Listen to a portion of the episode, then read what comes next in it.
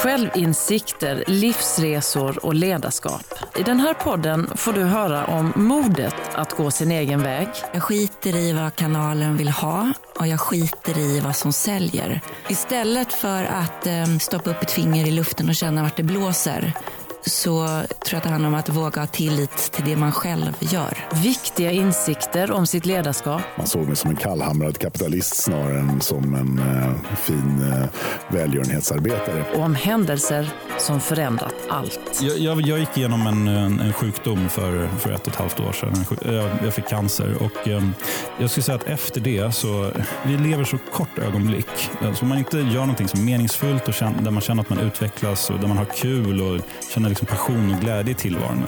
Vad håller man på med då? I tio spännande avsnitt kommer jag att träffa ledare som delar med sig av sina personliga berättelser och perspektiv på ledarskap. Missa inte Mod, framtidens ledarskap med mig, Kattis Ahlström.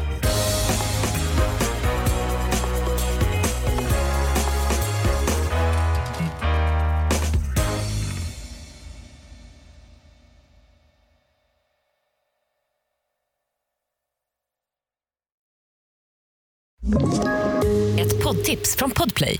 I podden Något Kaiko garanterar östgötarna Brutti och jag, Davva, dig en stor dos skratt.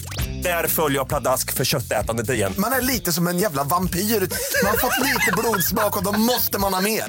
Udda spaningar, fängslande anekdoter och en och annan arg rant.